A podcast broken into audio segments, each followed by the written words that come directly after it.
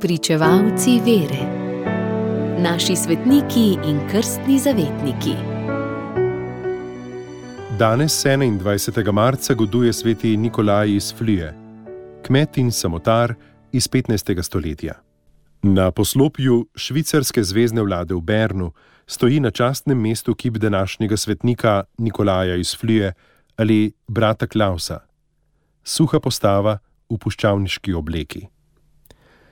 Tega moža Švicarji čestijo ne samo kot svetnika, temveč tudi kot očeta domovine, ker je leta 1481 s svojim svetniškim posredovanjem preprečil državljansko vojno v Švici.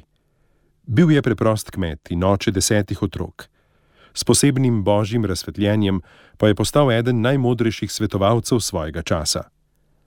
Nikolaj je bil doma iz kraja Flie v švicarskem kantonu Unterwalden, kjer se je rodil leta 1417 premožnim kmečkim staršem.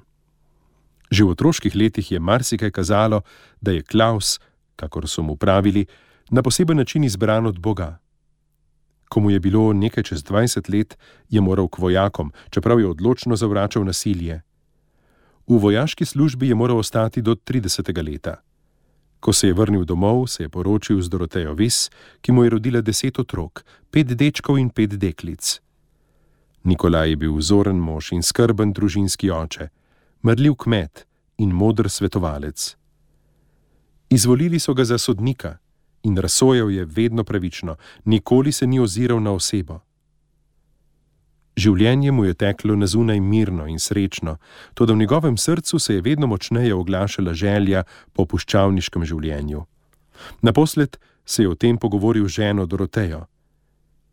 Njegova misel jo je močno prizadela in skraje se ji je upirala, končno pa mu je le uspelo ženo prepričati, da ga v samoto kliče višja sila. Poslovil se je od družine, Nekateri pa so njegov odhod obsojali kot grobo zanemarjanje družinskih dožnosti, drugi so ta njegov korak zagovarjali, čež da je šel za božjim klicem. Po krajšem iskanju primernega kraja se je naselil v Ramftu, blizu domačega kraja, kjer je živel kot gozdni brat, kakor so ga imenovali njegovi sodobniki.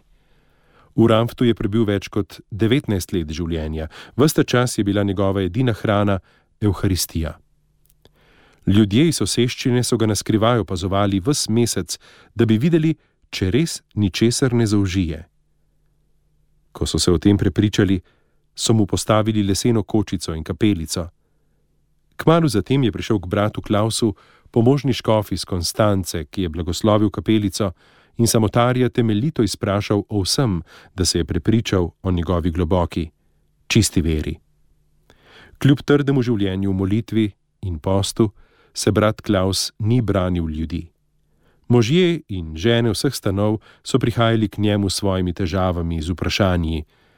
Kadar se je nabralo pred njegovo kočico več obiskovalcev, je odprl okno, pomolil glavo ven in jih pozdravil: Bog vam daj dobro, srečno jutro, ljubi prijatelji in ljubi ljudje.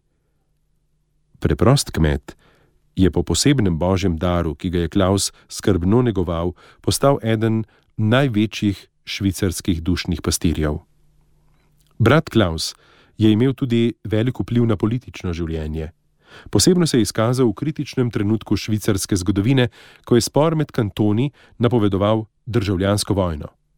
Brat Klaus je zboru predstavnikov vseh kantonov poslal prošnjo, naj imajo pred očmi korist celotne domovine, ne samo vsak svojega kantona.